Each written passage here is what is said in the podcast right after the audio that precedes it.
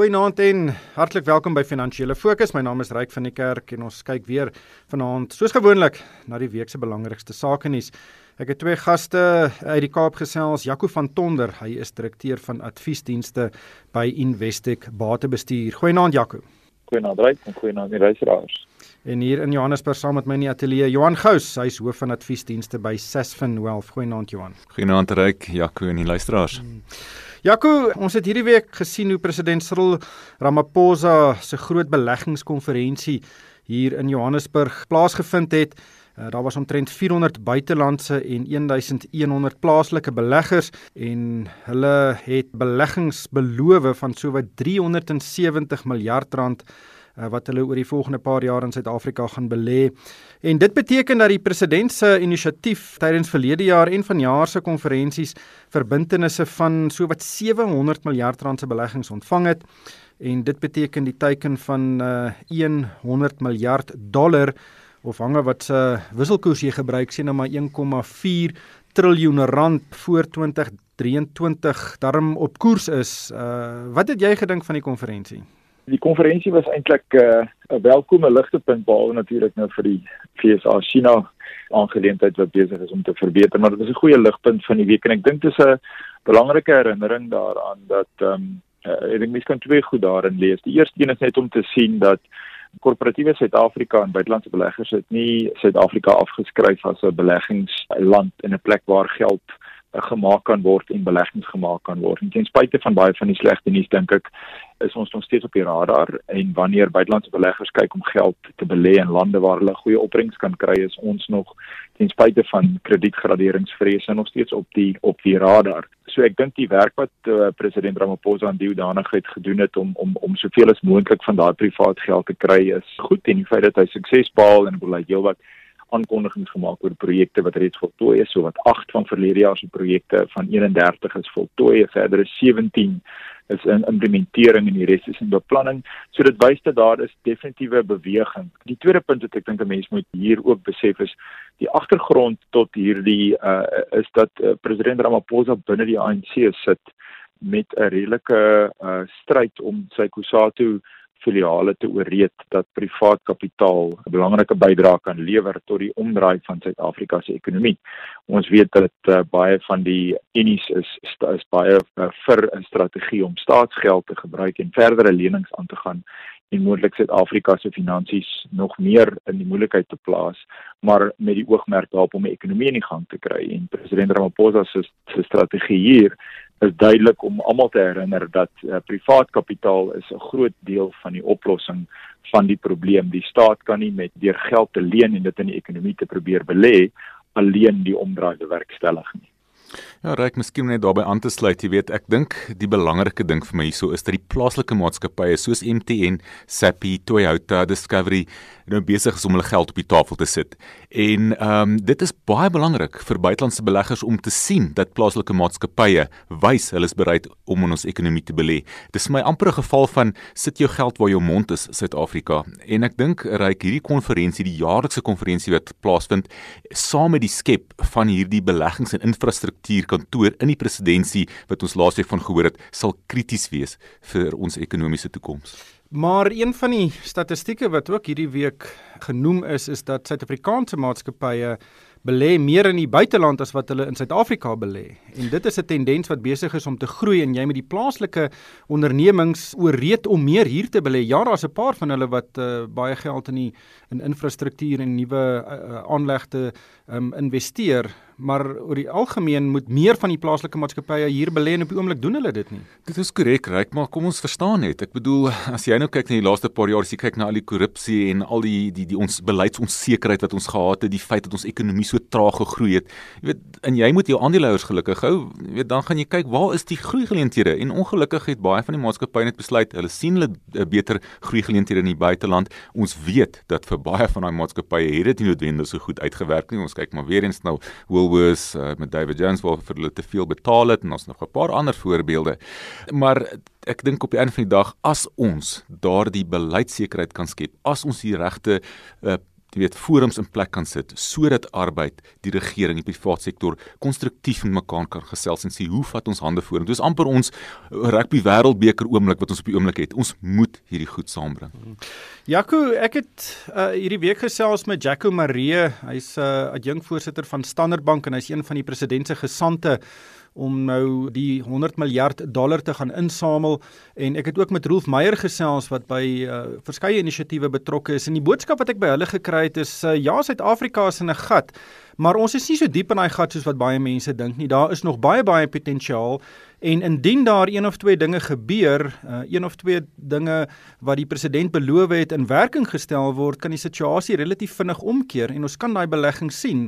Ek dink mense moet misken dat dit 'n uh, 'n binêre ding is. Suid-Afrika is goed. Ja, ons belê, dis sleg. Ons gaan nie belê nie. Uh, Daar's 'n groot middeweg en dit kan vinnig verbeter. Ryk die die, die struktuur van die ekonomie is nog in plek. Ons het Ons het ernstige probleme. Ons het net verlede daaroor Eskom gepraat en van die werk wat daar moet gebeur en ek dink ongelukkig is 'n klomp van die projekte se sukses en die omdraai van groei in Suid-Afrika nog steeds tot 'n groot mate gekoppel aan sekere kritiese projekte wat ons moet regkry waarvan Eskom natuurlik een is. Maar indien ons daai goed kan regkry, onthou die res van die land se infrastruktuur is nog in plek. Indien jy die hartklop weer aan die gang kan kry, dan kan jy 'n verrassende vinnige omdraai sien. Ek word altyd herinner daaraan deur van ons batebestuurs portefeulje bestuurders dat dat wanneer dit jy dink dinge is op sy slegste is is dit gewoonlik op die draai om beter te gaan en as jy dink dinge gaan nog beter gaan dan gewoonlik is die is die val in die mark om die draai. Mense moet altyd jou emosie probeer bevraagteken en ek dink as 'n mens se emosie baie negatief is, is dit eintlik vir jou 'n teken dat hoor die eh, die ding kan dalk baie makliker omdraai en vinniger as wat jy op die oomblik verwag. Ja, kom ons gesels oor positiewe dinge. Kom ons begin by die mark. Jy het ook vroeër verwys na die internasionale omgewing uh, wat baie positief was omdat daar dalk ooreenkomste, beter ooreenkomste tussen China en Amerika kan kom en uh, die JSE het ook die afgelope paar weke baie goed gevaar uh, nadat ons 'n maand gelede ook 'n bietjie as op die kop gegooi het. Hoe lees jy die markomgewing op die oomblik? Ryk, ek dink jy die die internet oh, ek dink ons is hierdie week herinner dat die Suid-Afrikaanse mark uh eintlik maar net ons ons die Suid-Afrikaanse omgewing dryf eintlik maar net ons markte indien daar half 'n uh, neutrale emosie is op die internasionale markte en ons is die week het ons duidelik gesien hoe sensitief sentiment internasionaal is. Ons is uh op, op internasionale veral eerste wêreldmarkte moet ons nooit vergeet nie ten spyte daarvan dat Suid-Afrika die laaste 5 jaar baie swaar gehad het op ons beurs het het die res van die wêreld eintlik uh, in die laat fase van 'n bullmark en uh, dis gewoonlik die fase wanneer mense begin sien wie agter geraak wanneer die bullmark gaan eindig en en hoe hy gaan eindig en om in daardie omgewing uh, 'n uh, positiewe sein te kry soos wat ons van dese week gehad het dat dit lyk asof die FSA en China van hulle strydbyle moontlik gaan begrawe uh, rondom die die handelstariewe uh is die reageer die markte veral as dit onverwags is uh, baie baie positief. En dit is eintlik maar wat van dese week gebeur het. Uh so so die die beere in die mark wat die wat die wat die uh, val voorspel is is vir die oomblik uh, uitgestem en ek dink daai positiewe nuus het uh, eintlik wêreldwyd die die sogenaamde risk on trade wat eintlik maar beteken dat beleggers ewe skielik bereid is om meer uh, risiko te neem. Ek praat nou spesifiek van internasionale beleggers en dan sien jy gewoonlik 'n sterk opwaartse beweging in aandelemarkte en dis ook gewoonlik baie positief vir opkomende markte. En dit was daai laasgenoemde positiewe sein na opkomende markte toe wat ons in Suid-Afrika gesien het en uh, ten spyte van die ehm um, die die kredietgraderingskwessies en die en die toesprake die afgelope 2 weke oor die Suid-Afrikaanse ekonomie het ons skielik van dese week 'n versterking in die rand gesien as ook 'n 'n 'n redelike mooi versterking in die plaaslike beurs. Ehm um, maar mense moenie die oog verloor nie, dit is grootendeels maar maar buitelandse sentiment wat ehm um, wat wat wat die wat die beurs so dryf, maar dit is ten minste goed om om so positiewe sein te kry. Uh dis 'n herinnering dat ons deel is van 'n internasionale beleggingsgemeenskap en as dit goed gaan daar dan kry ons daarom van daai voordeel hier ook. Dink jy ons is naby aan die boepunt van die bilmark? as ek dit geweet het, reik het ek eh, 'n uh, klomp geld nou op die mark gehad en 'n klomp verskillende instrumente. Wat vir my duidelik is is dat daar toenemend raak die intensiteit van die debat op deur internasionale kommentators oor hoe ver ons is van die einde van die bilmark af. Daar daardie intensiteit raak al hoe hoër wat gewoonlik maar 'n aanduiding is dat jy begin naderkom. Maar as jy gaan kyk na die gesondheid van die syfers van dese week uit die uit die FSA was was ook baie positief. Uh so dit, dit blyk asof die ekonomie in die FSA nog relatief gesond is en as jy dan projekteer bo-op dit uh, moontlike handelsstryde wat hulle gaan terugrol uh dan is die nuus baie baie positief. Ja, en dit is dan moeilik om te dink dat jy iets soos 'n uh, onverwagte markval kan kry, maar mens weet nooit nie. Jy het een een groot krisis nodig, een onverwagte bankkrisis wat iewers uitdop in Europa Uh ons weet hoe dit in 2008 gebeur het en en ek dink dis maar hoe sulke goed plaasvind. Jy sien hom nooit kom, maar as hy gebeur, uh dan is dit vinnig. Ryk, miskien net om daarbey aan te sluit. Weet as ons gaan kyk na die laaste 5 jaar, die gemiddelde groei op die wêreldaandeleindeks in dollar terme was 14.2%. In Suid-Afrika was daai groei op ons JSE vir 5 jaar per jaar 6.2%, soos basies minder as die helfte. Nou wat ons op hierdie stadium sien is dat en en, en kyk ons net in die jaar tot datum, jy het 'n 26% groei in dollar terme gehad, wat die randverswakking daarbey het jy amper 30% groei op die buitelandse uh, aandele markte gehad as jy net in die indeks belê het teen Suid-Afrika se 13% wat skaaflik is, maar nog steeds minder as helfte. So wat jy nou vind is baie beleggers wat wat ons sien wil ten alle koste net in die buiteland belê. Nou kom ons terug na jou vraag toe, is ons in die bopunt van uh, die bullmark? Nou die die ekonomie in die buiteland en veral in Amerika groei nog steeds redelik goed, maar dit is tog duidelik dat daar 'n meer en meer kommer is oor die wêreldekonomiese groei terwyl die markte bly rekordvlakke bereik. So 'n mens moet weet dat jy kyk na duurder markte in so 'n tipe van scenario. So ek dink net beleggers moet in die algemeen begin dink, gaan ons vir ewig altyd sien dat die buitelandse markte ons plaaslike mark so uitpresteer? Ek dink nie so nie. Johan, nog 'n groot storie van die week was Capitec wat in die hof was. Dit gaan oor aandele wat die Gupta maatskappy triljoen indirek besit het, maar hulle wil dit verkoop, dis omtrent 800 000 Capitec aandele en daar's tussen 500 en 600 miljoen rand wat moet vloei na die Transnet pensioenfonds toe. Uh, Capitec uh, staan die transaksie teen want hulle voel as dit gebeur sal hulle bemagtigingsstatus uh, verlaag en uh, die hof het beslis dat hulle die wel die goedkeuring moet gee. Capitec het toe later gesê hulle gaan teen hierdie beslissing appeleer. Wat dink jy daarvan? Wel, ek dink jy moet jouself die vraag vra, wat weeg nou swaarder? Is dit nou die bemagtigingsstatus en belange van Capitec uh, wat basiese verwatering van omtrent 0.7% 10% van hulle bemagtigingsstatus sal sien, sou die aandele verkoop word of is die saak sterker vir die feit dat daar lede van die Transnet pensioenfonds is wat oor die laaste paar jaar baie al, al, al reeds 'n hele klompie ehm um, kwessies mee moes gedeel het, is hulle belange dalk belangriker. En ek dink ehm um, weet Capitec sal baie mooi moet gaan dink oor hoe hard hulle hierdie kwessie wil druk. Die feit dat Capitec ook hierdie week 'n paar keer al eh, so 'n bietjie van hulle benadering tot hierdie saak verander het, help hulle ook nie. Maar ons moet hoor want Capitec het gesê hulle sal in die volgende week sal hulle uitkom met hulle antwoord. Jaco interessante ene hierdie. Ja, ek dit is um, dit is dit is eintlik as jy daarna kyk, ja, dis 'n dat 'n e sterk etiese onder ondertoon wat Johan vir ons uitgewys het. Dit is ook interessant om te dink, ek dink dit is weer eens 'n uh, aanduiding van hoe wetgewing wat miskien nie wel deurdag is nie, probleme kan skep vir besighede en ek ek verwys spesifiek hierna dat die die hele aangeleentheid van uh een een keer bemagtig altyd bemagtig of nie wat 'n groot politieke kwessie is rondom die swart bemagtigingswetgewing veral vir die myne maar uh, ons sien dit nou ook in die geval van Capitec.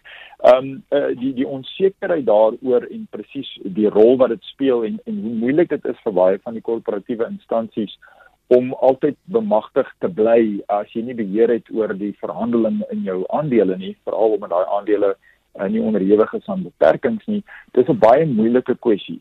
En ek dink aan die een kant mense het eintlik 'n mate van simpatie met Capitec want dit is dit is al twee baie sensitiewe en baie belangrike politieke oogpunte waartussen hulle nou vasgevang word en om te probeer om jou pad daaruit te navigeer is nie maklik nie. Hierdie dis dis 'n baie goeie dink ek praktiese voorbeeld van die probleme wat korporatiewe Suid-Afrika het met sommige gedeeltes van ons van ons wetgewing wat nie altyd 100% uh, goed welbeerdag uh, mekaar gesit word nie.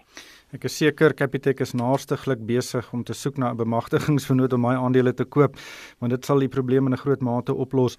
Johan, net laastens vroeër vanjaar het ons uh, baie goeie reenseisoen verwag. Die voorspellings was baie positief, maar hierdie week het verskeie ekonome en ook die weerbureau gesê die kans op 'n reenseisoen wat baie baie goed is is besig om te taan en dat ons dalk 'n gemiddelde en know ek wil wil dit nie eers sê nie dalk 'n ondergemiddelde reenseisoen kan hê. En dit natuurlik dit is terwyl ons 'n geweldige groot droogte het op die oomblik. Wat wat dink jy kan die impak wees? Raak hierdie is 'n baie hartseer situasie op die oomblik. Jy weet, ons het in die laaste 5 jaar net 1 jaar van normale reënval gehad tydens basies die tyd wat hier so plant tipies. Um en ek weet dit is 'n suidelike Afrika probleem wat mense op die oomblik deel. Um jy weet, ek dink op hierdie stadium die Karoo mense wil weet hoekom Kaapstad se waterkrisis met dag 0 soveel aandag gekry het en hulle nie noodwendig soveel aandag kry nie.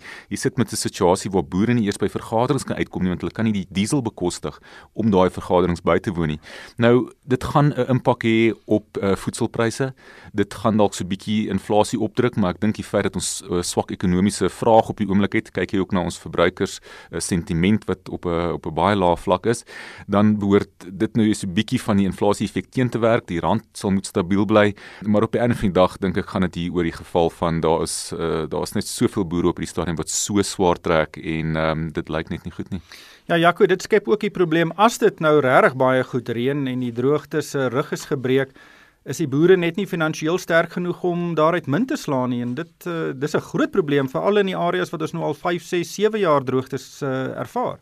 Ja, ek ek dink kyk 'n mens moet terugkyk in die geskiedenis van Suid-Afrika en die, die landboukundiges sal vinnig vir jou sê veral diegene wat uh, geruime tyd al betrokke is aan landbou dat dat dit nie dat dit eintlik baie eh, met 'n relatiewe voorspelbaarheid gebeur dat jy dat jy elke 30 jaar of 20 jaar 'n relatiewe ernstige droogte kry. Um en ons is eintlik in daardie fase nou waar dit iets is wat mens kan verwag. Nou die die probleem daarmee is dat jou politieke bestel en die ondersteuning vir sekere van jou ekonomiese sektore gaan deur fases. Nou landbou in Suid-Afrika is 'n sektor wat op die oomblik nie geweldig baie staatsondersteuning ontvang nie relatief tot miskien by verskillende periodes in die geskiedenis van ons land. Ek praat ons net sommer terugkyk oor die laaste 50 jaar. Daar was periodes gewees waar uh, voor die vorige regering dit as 'n politieke voordeel gesien het om boerdery te ondersteun en ek dink dit het boere op daardie stadium in in daai geweldige droogtes van die 80s gehelp ons is eintlik nou weer daar wat betref die weersiklus en die landbou siklus, maar ek dink die ekonomiese situasie lyk heeltemal anders en die politieke stelsel is um, het ander oogmerke en dit maak dit baie moeilik vir boere want ek dink die toegang tot kapitaal uh, is presies dit wat nou nie daar is nie. Om so droog te deur te kom uh, moet boere eintlik amper niks doen op hulle grond vir 'n periode van 6 of 7 jaar nie want alles wat jy spandeer aan insetkoste vir saad of kunsmis is eintlik geld wat wat na die maan gaan. En dan moet jy probeer wag totdat die situasie normaliseer en dan jy kapitaal nodig om weer terug te kom in die industrie weer aan die gang te kry.